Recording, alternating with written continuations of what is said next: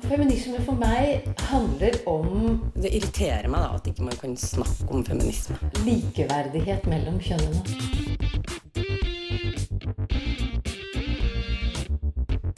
Det blikket på kvinnen på film. handlet det om å bli tatt på alvor som jente. Du hører på Et eget rom på Radio Nova. Vi har vært innom mange temaer i løpet av semesteret, som snart er over. Blant annet mansplaining, kroppshår, burlesk, pappaperm, Black Lives Matter og 8. mars. Så sånn i lys av det vi har snakket om dette halvåret, hvilke saker er det vi er mest opptatt av?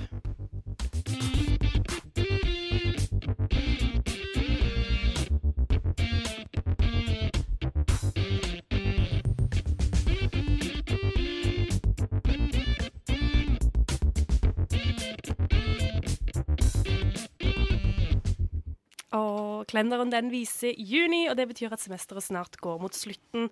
Og her i et eget rom i dag så skal vi ha en sånn liten sesongavslutning, rett og slett. Så derfor blir dette liksom en sending litt utenom det vanlige. Og for det første så har vi jo et veldig folksomt studio i dag. Eh, vi er veldig mange, så jeg tenkte at, eh, at vi nesten må ta en liten navnerunde. Eh, bare sånn for å vise hvem som skal holde deg med selskap til neste timen. Så det er altså meg, Lisa. Ja, Anne Marie. Eline. Sofie.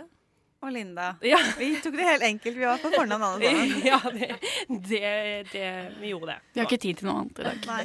Fort. Nei, rett og slett. Vi har tett program. Mye vi skal igjennom. Men det har vært sykt mange Vi har vært igjennom veldig mye spennende eh, denne våren her. Det, liksom, det, eh, det tar jo aldri slutt med disse temaene. Vi har liksom planlagt høsten allerede. Vi kan jo høre noen snutter fra det vi har vært igjennom. Altså, det er jo veldig mange, altså, mange grunner til at man ikke barberer seg. Man er redd for å bli avvist, og man er redd for kanskje mest av alt å ikke bli sett på som kvinne. Burlesk, det er kvinnens syn på male gaze. Så vi latterliggjør male gaze. De har forestillinger om at svarta mennesker er mindre verda, Eller en forestilling kring at hvite mennesker har et høyere verde. Og det er en forestilling som man lærer seg veldig tidlig som hvit person. Tror du, eller opplever du liksom i din generasjon at det er mer pappaperm? Ja, det gjør det. altså. Er positivt. Samtidig som det er mange som ikke gjør det. Som jeg trodde kanskje eh, Som jeg i tenkte at ja, det er det. Måte. Hvis du har en utenlandslignende navn, du bruker scout, du har en annen nasjonalitet, så har du forskning viser at 25% mindre sjanse til å bli innkalt til intervjuet. Jeg er opptatt av at barn ser generelt mindre til far etter et samlivsbrudd. Det er jo vist at 82% av alle aleneforeldre er mødre.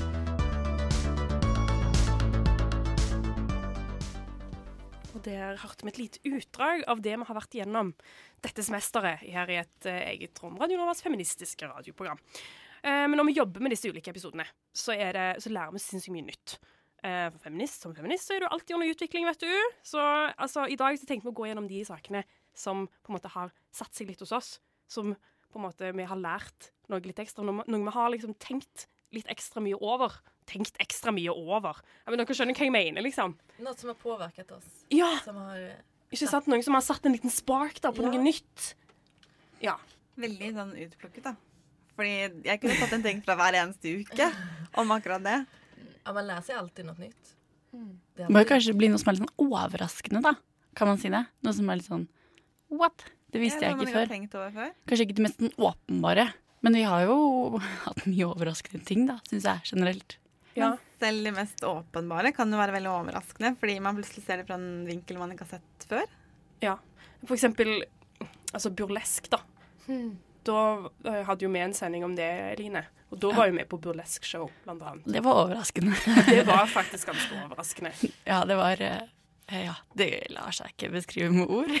Nei, det er egentlig bare noe man må oppleve og se. Men det var liksom, det syns jeg var litt sånn wow for meg. For jeg, jeg tenkte liksom ah, stripping og liksom at det var liksom ikke noe sånn superkule greier, egentlig, og litt sånn kleint. Men det var jo skikkelig, skikkelig, skikkelig gøy. Så bra. Men det er vel litt det som også er så gøy, at vi alltid finner nye topics. Mm. Og det har, vi kan alltid knyte det sammen med feminismen. Even liksom bruleske feminism Ja. på noe sett. Ja, og det är alt väldigt er jo feminisme på noen vis. Ja, det är Eh, kjempespennende. Det er jo det som er på en måte hovedtemaet hos oss òg. Knytter alt opp mot uh, feminismen. Men altså burlesk har jo på en måte vært feministisk Eller det har ikke vært sånn kjempe liksom, sånn lenge, sånn historisk sett. Men i dag så blir det vel knytta ganske opp mot feminismen. Iallfall med politisk burlesk, som jeg fant ut var en ting. Ja.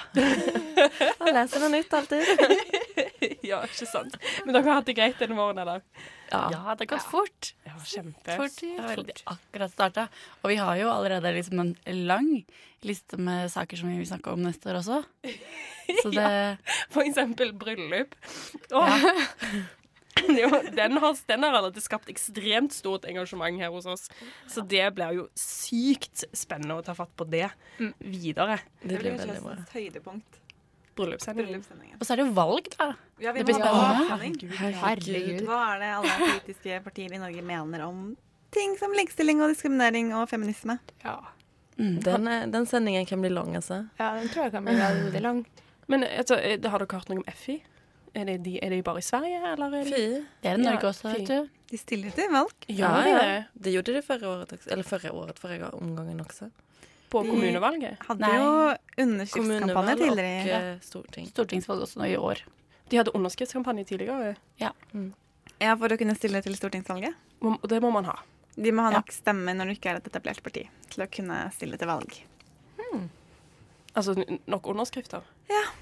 Sånn, det er mange som mener at det her er et parti de kanskje kan tenke å stemme på. Ja. Og når du har, det er sånn, vet ikke, 500 eller eller flere. Så kan du levere det inn og si at vi stiller til stortingsvalg. Ikke sant. Eh, det- men det skal litt til før de blir liksom invitert til, til, til partilederdebattene, liksom. Det tror jeg eh, til og med Rødt har jo hatt litt problemer med det. Og Det går rykter om med det. Så Ja, ikke sant. Men så spennende, da, at de skal stille. Ja. Altså, nå skal vi jo på en måte kjøre litt videre. Det som er veldig kjekt med dette vårsemesteret, det er jo kvinnedagen. Også med kvinnedagen så følger det jo aktualisering av ulike saker, og her er det sykt mye spennende. Og du Eline, du var på parolemøte. ja, eh, jeg tenker at eh, parolemåte er jo en slags sånn årlig statusoppdatering på hvordan det egentlig går med den feministiske debatten, hvor man putter alle sammen bokstavelig talt i et rom og lar det skure og gå. Det er jo ganske spennende. Um, og vi har jo snakka masse om det også. Det er jo um, absolutt ikke sånn at feminismen er lik. Den er jo så masse forskjellig. Alt er kjempemasse forskjellig. Og også i år så var det en del sånn spenninger, som i fjor, mellom høyre- og venstresida. Det virker jo som en, en slags uh, evig sak, da. Uh, selv om kanskje media liker å gjøre det enda verre enn det er. Ikke vi, da, men alle andre medier. Men jeg, jeg må bare si, eh, mens jeg snakker om det, at jeg synes det var noe som jeg syns var ganske overraskende på årets møte i, når vi snakker om høyre- og venstreside, er at det nesten ble flertall for for det er jo sånn at Når man starter møtet, så har man en innstilling på en viss mengde paroler som skal være hoved- og underparoler. Og det ble nesten vedtatt at vi bare skulle stemme inn hele den lista uten å diskutere det. Ja. Eh, fra en ganske sterk sånn venstreside som har vært veldig masse til stede på møtene. Altså egentlig bare si at vi skal ikke diskutere hva feminisme er. Som jeg syns ja, stiller meg ganske kritisk til en sånn holdning til 8. mars, da. Ja. Det er litt synd. Jeg tror det trengs å ha en debatt kring det. Absolutt. Viser dette liksom en form for bitterhet kanskje fra, fra venstresiden, som føler at de jobber med dette her gjennom hele året, og de jobber med å innstille den komiteen til disse parolene, eh, og så syns de det er dumt at folk skal komme liksom og si nei, nei, nei når folk ikke har vært med, eller en del en myte med kanalkrefter? Er, jeg tror det er en myte. Det er så sjukt Ja. mye mer komplekst enn det. Og Mm. det er jo ikke snakk om bare høyre- og venstresider heller. Det er jo utrolig mange folk som er interessert i likestilling fra forskjellige fagforeninger, f.eks. For eksempel, eller forskjellige Ja, altså det er jo et mye mer mangefasettert bilde enn høyre- og venstresiden også. Pluss at det åpenbart er sånn at høyre- og venstresida mener forskjellige ting også. Mm. Det er jo ikke en todeling. Um, så jeg, jeg er kjempe for liksom bare debatten. Jeg, jeg syns den er kjempefin når man får til å snakke om ting. Og mener at det burde være Det er viktig. Og det ble en fin debatt på 8. mars-møtet også. Det ble en fin 8. mars også. Mm. Så Det gikk bra. det er skikkelig farlig, da, den utviklingen der, på en måte. At man går mot på en måte en sånn slags sånn eh, ekskludering og en sånn kupp-greie. Mm. Av sånne typer ting. Eller konkurranse, er ikke- liksom. Ja, men Det er jo ikke en konkurranse der. Nei, det er jo ikke en kultur man vil ha. Det er jo skikkelig eh, ikke fruktbart i det hele tatt. Men jeg snakket jo med Heidi Nordby Lunde da vi hadde tema om denne feministeliten, og om den finnes. Og da snakket vi litt om dette med, med hvordan debatten er. Og dette med at generelt i den norske eller offentligheten så blir debatter veldig ofte polariserte. Og det kanskje særlig også gjelder når man snakker om likestilling. Og at man er veldig sånn man går veldig sånn i angrepsposisjon hvis noen stiller et kritisk spørsmål. Så istedenfor å ta den debatten, så begynner man å forsvare og kritisere tilbake igjen. Så kanskje man er litt Ikke at det bare er et kupp, men at man er litt redd for selve debatten. Jeg ble veldig inspirert av Trine Skei Grande også vi snakka med henne, som sa at det kanskje ikke var sånn at vi alltid måtte dele opp så mye, men kanskje heller snakke om hva man har til felles også, fordi det er mer enn nok å jobbe med. da.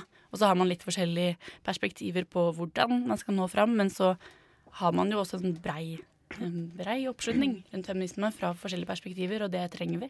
At det ikke nødvendigvis sånn at man trenger å diskutere sexkjøpsloven hver gang, som er en ganske øh, debatt. Er Noen den- symbolsaker er det jo alltid, men det er masse Ja. til felles òg, da. Ja, men en annen, et annet kupp som skjedde på sånn 8. mars-møtet i år, det var jo Bergen.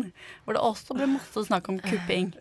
For der kom Der kom også høyresida Ja, der ble høyresiden kritisert for å kuppe venstresiden møte um, med, å prøve å, med å få gjennomslag for mannlig stemmerett. Um, selv om de stemte over det på det som for meg høres ut som en ganske demokratisk måte, og 60 stemte for og 20 mot, så var det mange som mente at det her var dagen da feminismen tapte. Mens andre mente at det her var dagen da feminismen ble mer inkluderende. Og det her også tenker jeg er sånn, det er jo litt symptom på en sak som er stor. Hva, hvor er mannens rolle i det her? Men det tenker jeg også har litt med en utvikling å gjøre. Fordi For noen tiår tilbake så snakket man jo ikke om feminisme. Man snakket jo om kvinnekamp. Eh, så man kan si at kanskje det er dagen da kvinnekampen tapte og feminismen vant. Det er kanskje et annet perspektiv på det. Det var fint. Ja, enig. For vi har, er jo for de breie feministiske definisjonene her. Og jeg tenker at hvis man er hvis man, som man har lyst til å være med og snakke om feminisme, som man absolutt burde være, fordi i hvert fall sånn som jeg tenker at feminisme er, så er det jo absolutt også for menn. Så jeg, jeg, tror det, jeg tror det er viktig å inkludere dem i debatten, og at de har en Altså, de trenger å ha noe å si. Eh, For menn er, har lik, altså, er, er jo del av samfunnet liksom, like mye som damer, liksom. Så man er trenger. Man trenger, er Man trenger å ha, ha deres åsikter, føler jeg. jeg så liker man- jo feminister å si at vi også tar kampen for menn. For at menn skal inkluderes i et mer likestilt samfunn. Og Mm. det er litt rart å skulle ekskludere dem Ja, når man skal snakke på vegne av dem samtidig. Ja, men hvis man vil at de skal ta kampen, så må de også få være med og ta kampen. Ellers så ja, ja. går det jo ikke. Men er dette liksom noe som henger igjen fra det du snakker om, Linda, dette her med kvinnekamp? At det er mange av de feministene, ikke uten at de skal være sånn de feministene, men det er mange som har, altså av de eldre, eller som hører litt mer til den kvinnekamp. Tror du nesten kan dele det litt inn i høyre- og venstresiden her også. Eh, hvis du er mer liberal, ikke nødvendigvis på, på borgerlig side, men litt mer sånn den liberale spekteret av feminismen, så du er mer opptatt av at alle skal være med. Mens de mest radikale feministene vil nok i større grad si at ja, alle skal med, men vi må ikke glemme at kvinnekamp er et veldig viktig perspektiv. Så vi må ikke, vi må ikke legge vekk kvinnekampperspektivet. Um, så de vil nok kanskje i større grad holde fast på det. Ja. Tror jeg. Det må jeg understreke. Jeg er litt Mm. på dypt vann akkurat her. Ikke sant? Men det er jo på en måte en, en, en veldig Altså det er jo en kamp som har veldig, veldig mange sider. Altså vi snakker om feminismen. Mm. Eh, og fordi man inkluderer menn og bryr seg mer om menn, så er det ikke nødvendigvis sånn at du bryr deg mindre om Nei, det forsvinner jo ikke hva selve grunden av feminismen er. Altså, feminist, som sagt, feminismen har mange lager men selve grunden av feminismen handler jo om kvinnekamp. Det er liksom litt der At det var der det sprang ut fra, på en ja, måte. Mm. men, men feminismen som vi diskuterer er jo kjempemange ting. Ja, Hvis man bare skal snakke om damer, så har man jo Jeg tenker at man har gjort seg selv en veldig stor bjørnetjeneste, i hvert fall. Da tror jeg man mangler et stort perspektiv. Pluss at jeg syns også at det nesten er litt sånn eh, nedgraderende å bare være sånn Kvinner som en helhetlig eh, organisasjon, holdt på å si, mener dette. For det man, vi er mye mer mangefasettert enn det, da. Mm. Så Ja, hvorfor ja. ikke få med alle og ha det helhetlig store blikket, da. Men jeg tror også at hvis du vil ha en forandring, så trenger du å ha menn med deg. For Mm. hvis de ikke de er med og slåss med deg, så, så skjer det ingenting. Da blir det bare to motpoler som står og, og skriker på hverandre på noe sett. Du trenger å ha menn som inkluderer deg for å få din sak igjennom. Og så er det jo også mange saker som menn som jeg tror er fordelaktig for menn gjennom feminisme. Mm. Jeg tror de også har kampsaker i feminisme. Mm. Mm. Jeg tror kanskje det er litt viktig av at jeg tenker på feminisme som likestilling også. Da. At det går veldig masse på det å bare jevne ut ting sånn som det er i samfunnet. Det er ikke ofte, altså det er som regel ikke bare kvinner som skal ta over eller gjøre sånn og sånn og sånn. Det er veldig ofte at man må justere ting, da. Det er en sånn enten-eller-ting. Det er en justering, på en måte. Spennende å se, da. Kanskje det kommer Om det blir liksom mannlig stemmerett i, i Oslo. Hva som skjer neste år. Det er veldig spennende, spennende å se. Nå skal vi høre en låt fra Svart iskrem, eller helado negro som det kalles på spansk. Lengua larga. Oh, yeah, my, my point is feminism is not about being better than men. Is it? Et eget rom prøver å finne ut hvor mye feminisme egentlig kan være. Hver mandag på Radio Nova.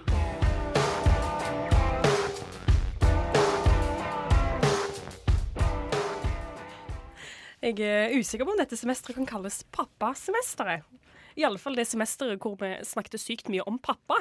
Og det er jo kjempefint. Blant annet så har vi hatt en egen pappasending, men, eh, og om pappaperm, men òg om samværssabotasje. Ja, det har vi. Um, sommer... Sorry. Ja, vi hadde en sending om samværssabotasje. og veldig gøy, egentlig. Vi hadde besøk av eh, Camilla Pettersen, som har skrevet ei bok om temaet. Der hun prater om fedre sine historier. Om eh, hvordan det egentlig er når de har gått gjennom det. Men samme sabotasje, har noen en definisjon på det? Hva er det? Oi, oi, oi. Ja.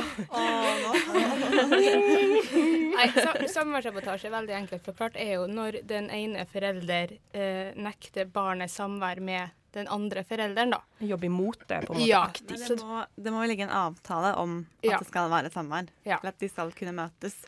Som- altså opprettholde, eller den overholdes ikke den avtalen. Som, for, som at eh, Ja, vi deler 50-50, og så bare Nei, Gunnar. Eh, d- nei. Du får ikke lov til å treffe min datter. Hvis det er en helgepappa, da. Ja. Mm. Så sier du nei, du får ikke lov til å reise til pappaen din den, den helgen her. Nei. Mm. Da dropp med det. Ja. Det viste seg vel i den boka også at det er For denne boka hadde jo fortellinger fra norske fedre som hadde opplevd samværssabotasje. Og det var en del ute og gikk, da. Mm. Og altså Forfatteren snakket jo om at det er, eh, det er masse snakk om det i mer sånn interne forum og sånne ting. Som på Facebook hadde hun funnet masse fram. Mhm. Men det virker jo kanskje som om det ikke er så veldig mye snakk om det ellers. Ja, jeg tror liksom litt det er problemet her, da. At samværssabotasje kanskje er en av de sakene som du har det lille samfunnet som snakker om det, som det er veldig veldig viktig for, men at de har veldig store problemer med å få det til å bli en større sak. da, Og få resten av samfunnet og strukturene til å faktisk endre seg. Og for eksempel sånn for feminismen sin del òg, så er det jo Jeg tenker iallfall at det er viktig at vi inkluderer det, fordi det går jo på likestillinga man skal ha. Men på den andre sida så tenker jeg at feminister veldig ofte ikke anerkjenner det som en like viktig sak da, som mange andre feministiske saker. Og det er et problem for spesielt fedre, men også mødre, da, som blir offer for det her. Men, men jeg tenker at der kommer vi litt sånn tilbake også, at man tenker hvems kamp er det her egentlig? Er det feministens kamp, eller er det altså da en pappakamp på noe sett? Eller borde da feminist, menn som er feminister liksom ta seg mer an dette, liksom? Og det er jo en sånn her debatt du får hvis du inkluderer menn i parolemøtet og, og i feministen. Men jeg, jeg tenker at det ikke er noen motsetning mellom det du snakker om. Da. Er, jeg tror ikke vi trenger å dele mellom pappakamp og feminismekamp. Liksom. Ja, jeg kan, tenker at det er eh, om, om feminister mest består av kvinner, kan man da forvente seg at kvinner skal ta seg Eller da feminismen skal ta seg an denne kampen? Jeg mener det eller borde at- feminister stelle seg bak denne kampen? Jo, men jeg, sånn som jeg ser den kampen her, og kanskje liksom mer generelt det som handler om fedrerollen, Mm. så har den så ekstremt stor Eller den har så mye potensial for å være med på å bryte opp i kjønnsrollene, som Mm. står skikkelig sterkt i samfunnet. Og det tror jeg både Altså det er det feminismen jobber med, da. Men det at det her med å åpne opp mer for eh, pappa gjennom å forhindre eller snakke om samværssabotasje eh, og snakke om fedrekvote, som er liksom supergodt grep, da, så har man et skikkelig sånn aktivt, eh, en aktiv brekkstang for å snakke om de tingene her isteden. Og da tror jeg feminismen må snakke mer om det, eh, selv om flesteparten av feministene er damer. Vi snakket litt om forskning i den eh, sendingen, og den viser jo at jo lavere utdannelse du har, og jo mindre jobb du har, jo større er sannsynligheten for at du blir heltidsmamma. Og sånn sett så vil jeg si at det er jo en veldig sånn, viktig feministisk kamp, særlig for kvinner, eller kvinnene i feminismen. For det viser jo til noen veldig sterke strukturer i samfunnet. Hvorfor skal det være sånn at de som har lavere utdannelse og deltidsjobb, skal være heltidsmamma? Mens kvinner og menn som er utdannet og som har bedre betalte jobber, de klarer å dele omsorgen likt. Eh, og så fant vi også ut at det er et veldig sånn viktig økonomisk perspektiv. For enten du er heltidsmamma eller om du har delt omsorg, så er det slik at kvinner de kommer ganske dårlig ut av det økonomisk. Så man må kanskje tenke litt annerledes dette med hvordan man gjør det. Mm. Og så er det interessant at For det var jo en, en lovendring Ja. eh, nå i mars. Ja. Og den har jo nesten ikke nådd eh, den store offentligheten. Det var en Mm. høringsrunde nå i vinter og i fjor høst. Hva er dette? Og jeg visste, ikke sant? jeg visste ikke om det selv Nei. før du Eline, kom og sa du, det har vært noen lovendringsforslag og lovendringer med barneloven. Men altså, det, det er en sånn ting bare som får å skyte inn. Det er jo sånn typisk ting som på en måte loven, altså lovendringer i likestillingsloven og sånn. Unnskyld. Det er ofte noe som på en måte blir lansert samtidig som det går mange store arrangementer under denne regjeringen. Har jeg erfart. Men fortsett. Nei, men tenk på sånn med, med pappakvote, da, som hele tiden diskuteres, og partier mener det ene eller det andre, hvordan man skal dele foreldrepermisjonen. Det er en veldig sånn levende debatt, opplever jeg. Og det er ikke så veldig vanskelig å finne ut hva de forskjellige partiene mener om hvordan man skal dele foreldrepermisjonen når man får barn. Men, men dette med at når man går inn for å endre en barnelov som handler om hvor, hva gjør man med barn når foreldre eh, flytter fra hverandre eh, Og det var en høringsrunde hvor ganske mange organisasjoner kom med sine meninger. Men jeg har jo ikke fått med meg den store debatten. Altså, Hvor har debatten vært? Uh, der hvor alle deltar, på en måte. Det virker som at den har vært litt sånn De som har kunnet svare, de har svart, og så har det Du må liksom lete opp debatten veldig Mm. på egen hånd for å finne ut hva har skjedd. Hva er egentlig endringene? Hva er det folk mener om det her? Hva er det politikere mener om det her? Så den er veldig sånn i bakgrunnen. Ja, det er vel litt sånn, Og så var det en del sånn symbolske, ganske små endringer som, eh, som kanskje er vanskelig å forklare. da. Eller jeg syns det er vanskelig å skjønne, og jeg tror det er vanskelig å forklare. Men Eh, kan- Fordi det er i lovverket. Men jeg kan tenke meg at det er en debatt mange kanskje ikke helt har lyst til å ha. For det er også at det, altså det handler om at altså det, Ja, jeg tenker at just det her med, med hvordan man eh, med, med ledighet, med pappaledighet og mammaledighet og sånt, er kanskje en, en større debatt. Men just når det handler om å dele opp med, med barn og sånt, det, jeg føler at det er en debatt som ingen riktig har lyst til å ta tak i. Mm. Egentligen. Altså feminismen har ikke lyst til å ta tag i den, men verkar inte heller helt ta tag i den. Uh, så den blir liksom lite sånn, när det väl kommer upp så får den inte någon plass liksom, för det är ingen som har helt lyst på den. Men jeg opplever at det er en del feminister som skyver dette med barnets beste sånn foran seg. Derfor så ville man ikke ta debatten, og derfor så er det altså tryggere som en feminist å mene at kanskje er ikke delt omsorg 50-50 egentlig så bra. Derfor kan man heller ikke fronte det. Eh, så kanskje man har en skyggeside ved norsk feminisme, da. Mm. Pluss at jeg føler liksom at noe av det som gjorde at den saken her fikk mest inntrykk på meg, da, er iallfall det at den viste meg hvor stor liksom, forskjellen er i strukturer nå, da. At det her er ikke bare Altså, det bygger jo sikkert på verdier og sånne ting, men det er liksom så innebygd i lovene og i regelverket og i hvilke praksiser man har, da. Eksempel det at barn veldig, veldig ofte går til mor hvis det er samlivsbrudd og sånne ting. og det er litt det jeg føler er problemet her, da, at man er nødt til å tørre å ta tak i litt sånn større strukturer, og ikke bare snakke på moralnivå, men også bare tør å bryte opp litt Mm. råer, da. Jeg er, sånn, jeg er litt overraska, for når vi snakker både om det her og om fedrekvote, som var også sånn aha-opplevelse for meg, så når vi gikk inn i det, så tenkte jeg litt sånn OK, det her kommer til å bli en litt tørr sending, men vi tar den. Men så syns jeg ikke at det er tørt i det hele tatt, da, fordi det er så spennende. Fordi det er liksom snakk om å faktisk endre på ting. Og og også at det er noe som skjer altså Det er noe som er veldig levende i den politiske debatten. Sånn som Høyre, som egentlig var for å kutte fedrekvote, har jo gått inn for å fortsette med ti uker. Altså det skjer hele tiden ting på den fronten. Uh, så jeg håper egentlig at det kommer til å bli saker som er mer synlige i feminismen også. Fordi jeg tror det har skikkelig mye å si. Mm. Og er et veldig viktig redskap. Vi var så vidt innom dette med helgemødre. Altså når barn bor fast hos far og bare er hos mor i annenhver uke i helgene. Og hvordan de opplever en sånn stigmatisering om å forsvare det valget. Altså hva er galt med dem, siden ikke de er heltidsmamma. Mm. Og da tenker jeg at hvis man må det klarer å få enda større eller bredere praksis om at man har delt 50-50 foreldrepermisjon, hvor pappaene tar eh, 50% av den, så kanskje man klarer å snu litt om på det. Det tar kanskje 10 år, 20 år, men kanskje om når vi er godt voksen, da, så, sånn pensjonister og sånn, så kanskje det er mer naturlig at ja, barn bor hos far. Jeg tror ikke det trenger å ta så lang tid egentlig.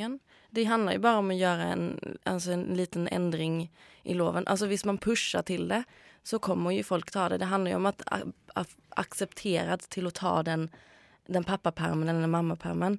Eh, hvis kvinner alltid forventer å ta mer, og menn alltid forventer å ta mindre, så kommer de å gjøre det. Men hvis det sitter hvis, hvis loven og hvis folk faktisk mener at det her bør du gjøre, så kommer folk å gjøre det. Og det trenger ikke ta mer enn bare noen år. Altså, det trenger ikke ta 20 år for å få en forandring. Og bare se på Sverige. Det mener, de, altså, menn tar nesten like mye som kvinner nå, for det er liksom nesten Det, de, det føles ikke som, som at det er feil. Liksom. Det er nesten forventet av menn å ta mer pappaperm. Og det, det handler liksom om den strukturelle forandringen, og det er ikke vanskelig. Det, man gjør det vanskeligere enn hva det er. Det er en gi og ta-sak. da. Man må, kvinnene må gi fra seg litt, og det tror jeg sitter langt inne for mange. Ja, det har vi tatt tenker jeg det er et skille, da. Men det er jo fordi at man ikke vet hva man vinner av det. Mm. Hvis man, man, det er klart man ikke har lyst til å gi efter noe som man er van ved å ha, men hvis man, skjønner, hvis man skjønner at man faktisk vinner på det, så er det jo klart at man gjør det. Og det handler jo om å gi den informasjonen og ha den debatten. Men gjelder ikke det òg litt for menn, da? F.eks. i topplederstillinger, de som alltid har vært vant til å på en måte alltid, altså, ikke ha konkurranser fra kvinner, at da er det noe du må gi fra deg? At det Jo. på en måte gjelder veldig mange? Ja, ja, Mm. men det er jo det feminismen er ekstremt flinke til å påpeke, at menn hele tiden skal, må gi fra seg.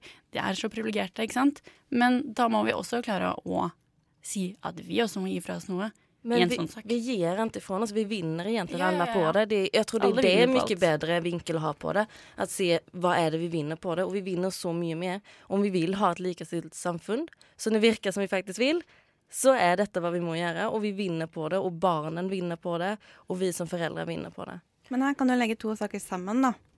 Eh, For jeg opplever at man er veldig opptatt av pappaen i et samliv. Og når man bryter opp, så er pappaen plutselig uviktig. Mm. Da er det bare mammaen det er snakk om. Det er det problemet her. Ja. Hjelper ikke at pappaen har pappaperm i dag, hvis pappaen og han skiller seg om ti år, ikke får se barna sine mer enn annenhver helg. Eh, og når man da vet at det er de som har utdannelse, og som har godt betalte jobber, som er i stand til eh, å jobbe for likestilling i sin familie, og ikke de som har lavere utdannelse, kanskje deltidsjobb, så må man jo tenke mer sånn struktur.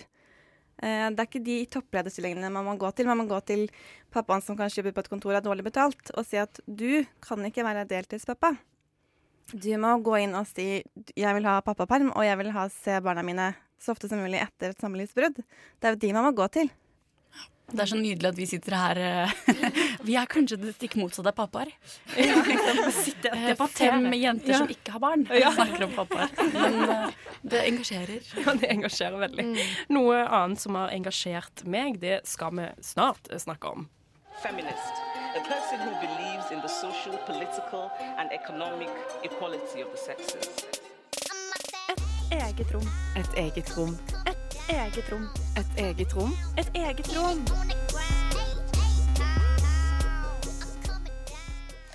Ja, fordi at dette her er ikke noe vi har snakka om eh, denne våren. Vi har ikke hatt, tatt det opp i en sending, men noe som jeg liksom har virkelig skjønt dette halvåret her, det er hva interseksjonalitet betyr. Nå har jeg endelig forstått dette begrepet. Noe jeg òg på en måte henger sammen med dette, er dette med cultural appropriation. Som jeg òg har skjønt. Altså, interseksjonalitet er jo på en måte eh, at sosiale kategorier som kjønn, rase, etnisitet, religion, sosial klasse, seksuell orientering og funksjonsevne kan samvirke og påvirke personers leve- og livsvilkår. At det ikke bare er kjønn som har noe å si her, men det er andre ting òg. Det begrepet har jeg virkelig forstått. Ikke virkelig forstått, men jeg har liksom forstått det litt mer enn det jeg gjorde for et år siden, hvor jeg ikke skjønte det overhodet. Um, hva tenker dere om det? Lærebokdefinisjon. Ja, litt sånn. det var så veldig mange ord uh, når man skal forklare det ene ordet. ja, det var Store norske leksikon. Det forholdsvis komplisert begrep som blir brukt veldig, veldig veldig mye. Og jeg skjønte ingenting av hva det betydde. Men det er kjempeviktig. Og noe som jeg òg har erfart litt, er litt sånn Hvorfor jeg aldri har tenkt noe særlig over det, er jo fordi at jeg plutselig ble litt sånn Oi, jeg er en heterofil, hvit jente i Norge som ikke kommer fra en sånn særlig superfattig familie. Så det er derfor jeg på en måte har, ikke har tenkt over det. Og det er bare litt sånn at du blir liksom ble litt obs på meg sjøl. Skjønner du hva jeg mener? Er, liksom, skal- er det fælt å si? Hvis man, skal liksom, hvis man, man kan jo parafrasere det til å si at det, at det betyr at feminisme må se på flere faktorer enn bare kjønn. Ja. Det er jo basically det interseksjonalisme er, tenker jeg. Ja, det går jo litt på det der at ting henger sammen, da. At alle kvinner er ikke like, liksom. At det er forskjeller her, og at fordi kvinner har forskjellige andre trekk, som rase, kjønn, eller liksom seksuell legning, Ja. bakgrunn, alt mulig sånne ting, så er det forskjeller som henger sammen, som gjør at også selv innen feminismen så må folk behandles litt annerledes, kanskje. Og det er jo også eh, en måte å faktisk Eller det er jo på en måte egentlig et Kanskje kan man si et litt sånn venstresidebegrep fordi det er sånn eh, klassekamp pluss feminisme litt. Pluss at det legger til litt til. Jeg opplever jo at det her er et ord som mange feminister bruker og liker å bruke og omgi seg med. Eh, og særlig på venstresiden. Men da jeg møtte Fakra Salimi, som jobber med minoritetskvinner, så er jo hennes opplevelse at man, man sier at man er opptatt av det. Man bruker det ofte, men hun opplever at man gjør det jo ikke. Nei. Hvor er de etniske norske kvinnene som kanskje ikke har noe særlig utdannelse, og som har dårlig betalt yrker? De er ikke en del av den det Hun brukte sånn middelklassebegrep. da. Det er den utdannede kvinne, kvinner som ofte tar de debattene. Og hvor er minoritetskvinnene? Ja, det her er, det har jeg også tenkt veldig masse på med interseksjonalitetsbegrepet. Jeg opplever Altså, for det første, det er jo helt fint at man kan, man kan ha en liksom akademisk feminisme. Det har man, og, det, og den er liksom begrepsorientert. Helt OK. Men jeg syns det er et veldig vanskelig ord som brukes ekstremt mye, og som jeg tror er med på å lage litt sånn vegger. At man skyver det litt framfor seg, og så har man liksom rettferdiggjort eh, hele den kampen med begrepet. Og jeg tror at sånn som jeg opplever det, så blir det et litt sånn tomt begrep. Um, Sylvi i Listhaug mange tilfeller. kommer med dette feministelitebegrepet som hele, særlig venstresiden av feminismene, de bare ja, ble ganske forbanna. Men jeg tror faktisk hun har et poeng. Jeg tror hun traff ganske mange kvinner rundt om i landet da hun kritiserte de som tar debatten, da. Jeg tror det er ganske mange som ikke føler seg helt inkludert. Du kan godt være hvit, du kan være farget, det har ingenting å si, men du føler deg ikke inkludert. Eh, og det tror jeg handler litt om akkurat dette med at man ikke når med de debattene man har. Man kan jo tenke at man kan ha på forskjellige nivåer, da. At kanskje de som vil snakke om interseksjonalisme og se på på strukturene som går skikkelig inn i de, kan ha det som et virksomt begrep. Selv om jeg tror mange også mener at det ikke er et spesielt virksomt begrep der heller. Um, og så kanskje man ikke nødvendigvis alltid må bruke det alltid i feminisme. Altså Man må, må bli flinkere til å forklare det, er det det? Eller man bare skal Nei, slutte jeg- å bruke det? Jeg syns kanskje at det ikke nødvendigvis må forklares alltid heller. At man kan heller kan snakke om at det skjer. Eller altså, jeg tror Hvis man åpner en feministisk debatt med sånn Ja, hva tenker du om interseksjonalisme? Det betyr du-du-du-du-du. Så tror jeg man har liksom Jeg tror ikke det er lurt. Pluss at jeg føler kanskje at av og til så gjør man mer ut av det enn det det trenger å være, da. Fordi iallfall for min del så betyr jo egentlig interseksjonalitet betyr bare det at man er klar over at alle kvinner og alle mennesker er forskjellige, og at man prøver å inkludere alle. Ja. Det, er, altså, det trenger ikke å være noe mer enn det. Man trenger ikke å ha en sånn heftig debatt om å, hva er interseksjonalitet. Liksom. Da kan man kan heller snakke om hvordan kan vi inkludere minoritetskvinner, liksom. Og så har man egentlig på en måte gjort litt det samme, da. Men är det inte det som blir problemet med ordet också? Att det bara bruks, men det, alltså, ordet bruks men man använder inte själva innehållet i det. Ja. Alltså att minoritetskvinnor står ofta vid sidan i den feministiska debatten. Och det är ju inte bara i Sverige, eller i Sverige eller Norge. Det er det är liksom överallt så är det ju liksom, har du en feministisk debatt i USA till exempel så är det ju samma sak. Det är liksom mycket vit eh, vita kvinnor som för den feministiska debatten. Och ordet blir brukt men, men själva innehållet blir liksom inte, det blir liksom det är bara satt på ytan på något sätt. Ja. Og Jeg tror jeg mange opplever at andre definerer hva deres likestillingskamp skal være. Ja, det er nog den største poängen egentligen med det. Att, att, att vi, på, eller inte vi, men att man sier at det här kanske minoritetskvinnor vill ha det men de själva har ingen plats i debatten. Och det blir jo veldig ensidig, altså det blir jo kämpeensidigt liksom. Mm. Pluss at det er jo et poeng i seg sjøl å bare passe for å sette folk i grupper, og så passe også bare for å definere de gruppene uten å egentlig prate med dem. da. Det er jo ikke sånn at alle minoritetskvinner vil det samme heller, på en måte. Nei. Nå har minoritetskvinner blitt nevnt veldig mye, og vi skal snart komme tilbake til det. Men før det så skal vi høre litt eh, elektronika fra Berlin. Laurel Halo med Jelly. Vi hørte amerikanske Laurel Halo, men Berlin-baserte Laurel Halo, faktisk, med låta Jelly der. Her i Et eget rom i dag så oppsummerer vi semesteret litt, hva vi har vært opptatt av, og vi var innom minoritetsgrunner sånn ganske mye, egentlig, før denne låten. Men det er jo en ting som vi har eh, tatt opp en del denne våren.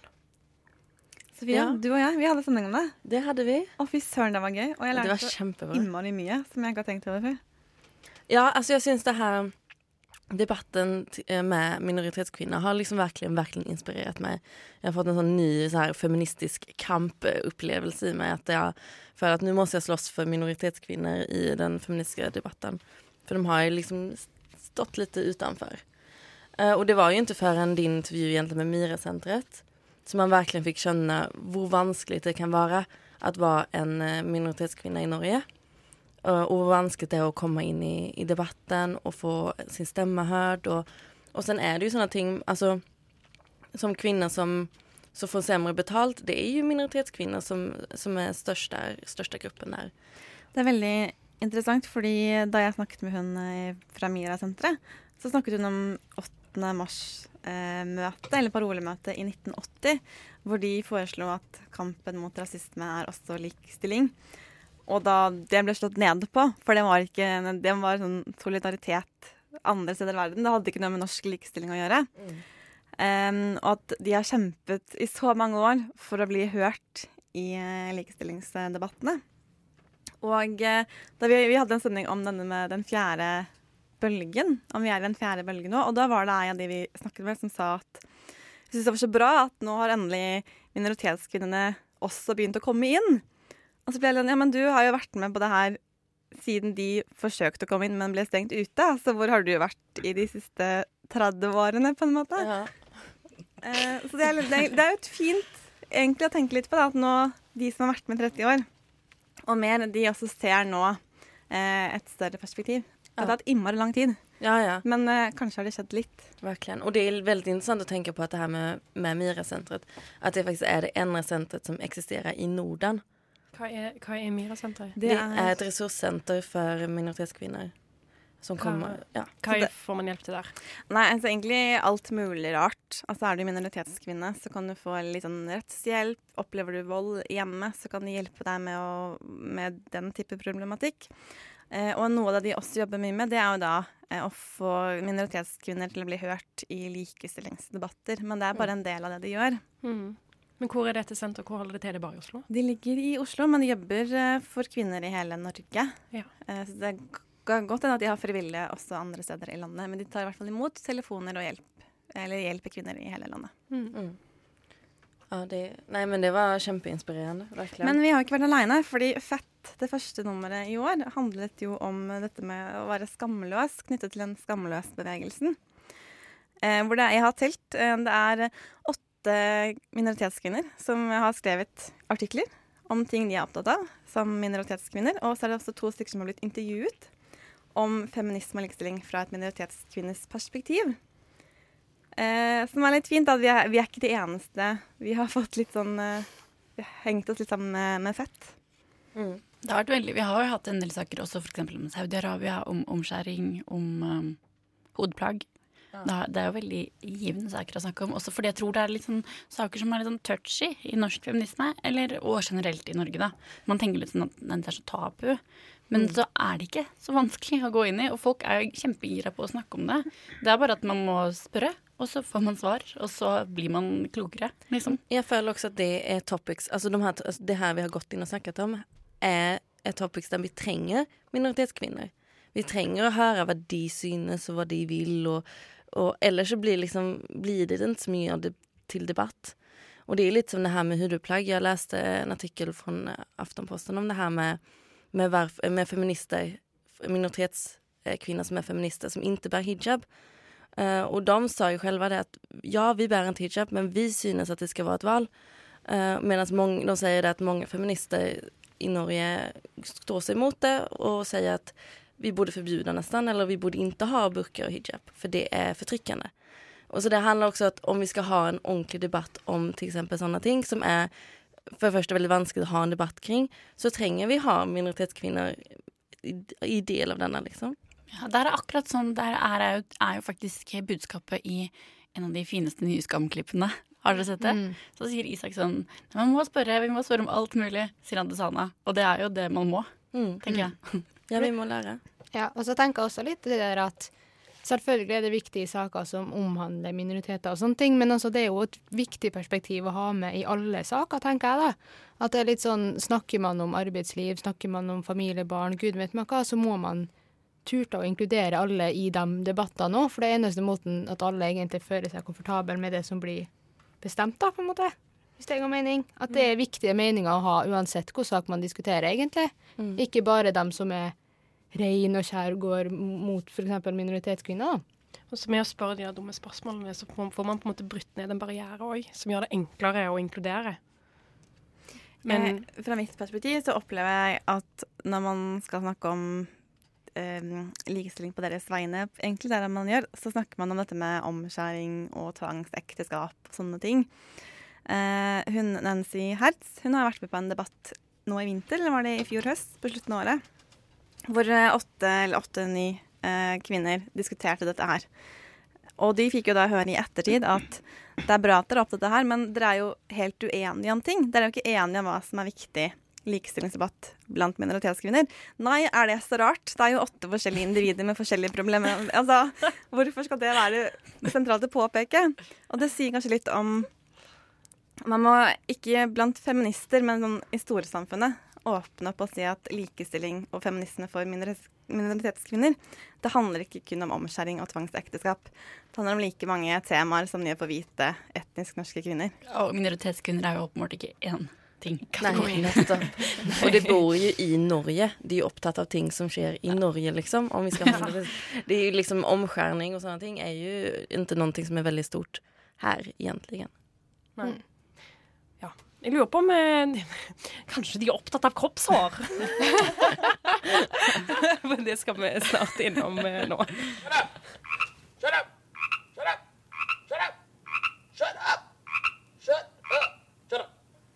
Radio Nova. Gir seg aldri. Nei, det gjør vi ikke. For et eget rom. Vi er ja, fortsatt her. Veldig fin overgang.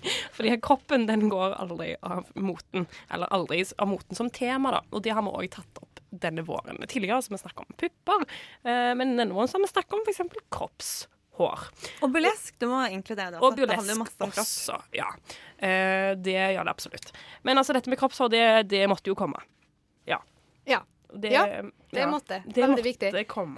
ja. Ja, nei, jeg gjorde jo et intervju med Emilie Blikkfeldt om kroppshår, og det var egentlig veldig interessant, for hun har jo laga film og hele ståa for å frø- prøve å framheve det der at en kropp er en kropp, og det er veldig naturlig å ha kroppshår.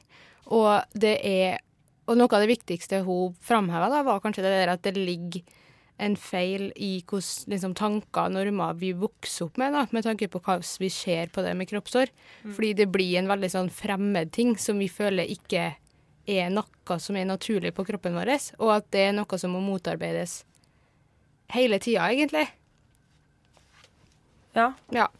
At det er noe som du konstant må, må Ja, jobbe litt mot? det der at det går i generasjoner. Altså sånn for eksempel Hvis du er en ung jente, da, så hjelper det jo ikke så veldig mye at du ser mor di skeive leggene hver gang før sommeren, på en måte. At det blir en sånn der gjenforsterkende prosess, da. Uh, hvor kroppshår ikke er en bra ting, rett og slett. Liksom. Det blir sett på som mindre feminint, mindre fint, mindre attraktivt. Altså, du ser dårligere ut, du ser fattigere ut. Altså alt mulig sånne ting, da, hvis du har kroppshår. Mm, det er en sånn evig sirkel som aldri Men dette slutter. med generasjoner, på en måte, det føler jeg at man Det har jeg ikke tenkt over før vi hadde den sendingen om kroppshår. Dette med at hvis moren din Du ser henne hvert år barbere legger og armhuler. Selvfølgelig blir det helt naturlig allerede som femåring at kvinner ikke skal ha kroppshår. Men jeg tror det er litt, kanskje en litt enkel forklaringsmodell også fordi at de som er mødrene våre, hadde mødre som ikke skjeva seg. liksom. På 70-tallet var det jo ingen som gjorde det. Eller ingen som gjorde det. Så jeg vokste opp på 70-tallet. Nei. Ja. Nei, jeg men, tror ikke det er altså, den jeg eneste tror- forklaringsmodellen, men kanskje en forklaringsmodell sånn de siste årene. De som nå er sånn 12-13. Og media, da. Ja, Hvor- altså, jag- jeg tror vi måste Facebook-feeden min er så sjukt Ja. full av sånn derre wax, eh, wax, sway, sway. Ja, men bare det å gå inn i butikken også, så har du liksom på aisles and aisles med typ sånn produkter som du skal ha for å fjerne hår og sånt. Det, det er jo en kjempebusiness. Men det er også litt morsomt når man snakker om dette med reklame og at man vil ha flere typer kvinner. Fordi i reklamebransjen så er jo da mangfold det er blonde og eh, brunetter, på en måte. Eh, Men selv om med disse modellene Du har ikke et hårstrå noen steder på kroppen. Mm. Altså, de er helt glatte til og med på armene. Men jeg, jeg synes det som den, I den kroppshårdebatten vi hadde den, så kom det jo Jeg det er litt interessant det som det på en måte bunner i, er jo sånn Har man som feminist et slags eh, eh, Hva heter det når man har et sånn? Nei, men er det sånn du må bære videre kroppshår som fint? Altså har du Ansvar. Eh, ansvar for Mm. for å ha kroppshår? Ja. det er jo, fordi det er litt sånn det blir ofte Ja. framstilt. At det er feministene som, som ikke Det er de som må være de som Ja. ikke barberer seg, og tar virkelig begynner på den. Og det syns jeg det er, en, det er et stort ansvar. det er et veldig stort ansvar, spesielt når du vet at, eh, at hvis du ikke barberer deg, så får du blikk, og du føler deg liksom at du, du, må, du kjenner jo på de følelsene som man ellers alle sammen andre gjør, når de ikke liksom har barbert leggene sine. Men også ikke bare blikk, men man kan jo liksom føle seg mer komfortabel. Altså Det er jo ikke bare pga. sanksjoner, liksom, men det kan også være en sånn personlig Mm. Ja, Den kan og så- ja, for det syns jeg er veldig interessant, for Emilie å snakke om det intervjuet. Og da fremheva hun det at i dag så har ikke jenter og damer et reelt fritt valg, da. At liksom på grunn av de eh, normene og sånn som er i samfunnet, så er det egentlig ikke et fritt valg om du har lyst til å shave eller ikke, da, for å si det sånn. Så hun var veldig opptatt av det at frem til den dagen hvor det faktisk er et reelt fritt valg, hvor du blir sett på på samme måte uansett om du har hår på leggene eller ikke. At halvparten av alle kvinner som eh, Ja, eh, halvparten av alle kvinner ikke Ja. barberer seg. Ja, Ja. ja. sant. Den dagen det faktisk er likt, da, der det ikke spiller noen rolle, da kan man begynne å snakke om at alle feminister og alle jenter skal få lov til å velge fritt og bla, bla, bla. Men hun tenkte at frem til den dagen så har kvinner et ansvar til å faktisk fremheve det at hår er en naturlig ting, da. Ja. Tenker, det trenger ikke nødvendigvis å være bare feministene, men man må jo kanskje tenke litt sånn Hvem skal gjøre det, på en måte? Bare reflektere litt over det. Men man trenger liksom ikke å tenke at «Å, nå har jeg ansvar, og nei, og da barberte jeg meg, liksom. Sant? Litt mer sånn. Og kanskje det er noe som blir enda viktigere når du får barn. Men eh, Kanskje. Dagbladet de postet jo en artikkel eh, om en eller annen blogger i var det Canada eller USA som ikke hadde barbert seg på et år.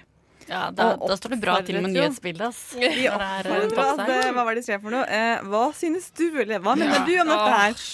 Man, altså når til og med aviser går rundt og oppfordrer til altså det kommentarfeltet Jeg vet at det ble veldig moderert eh, etter en stund, men der var det nok mye Unnskyld uttrykket søppel som eh, kom ut. Ja, sorry, det er Dagbladet, ass. Ikke, ikke, sk- altså, ikke skriv sånne artikler, tenker jeg. Men både, det, det det er så mye sånn, både blant menn og kvinner. Sånn æsj, er det ekkelt, det er stygt, det er ikke feminint. Hva er galt med kvinner, hva er galt med feminister? Alt er bare æsj. Er det så sykt at folk har eh, sånne tenker og uttrykker seg på det settet? Det burde jo på en måte ikke være en sak som er sånn åpenbart knytta til feminisme engang. Det burde bare være sånn må alle gjøre hva de vil. Jeg synes det, er det, er, det er på en måte et litt dårlig tegn at det er nødt til å være en symbolsak for feminisme. Sånn, ja. Ja, Man får tenke litt over det. Tenke litt sånn, Reflektere litt, kanskje. Trenger ikke å føle at man har et ansvar, egentlig. Men eh, nå begynner denne sendingen å gå mot slutten. Faktisk. Og det betyr jo at vi har avrunda dette, dette her eh, halvåret her med denne, med denne sendingen her. Så altså, med de som har vært i studio, og jeg tar hele, hele rekka Det er Linda Osmerg, Sofia Fischer, Eline Hystad, Anne Marie Sunde og meg, Lise Aasbø. Og tekniker har vært Henrik Slåen. Og vi gleder oss masse til høsten, gjør vi ikke det? Ja. oh, det blir kjekt. Det Mye kjekke temaer som står eh, for tur. På vei med deg ut så skal du få litt atmosfærisk deilighet fra Goshen Curve. Talk to the church.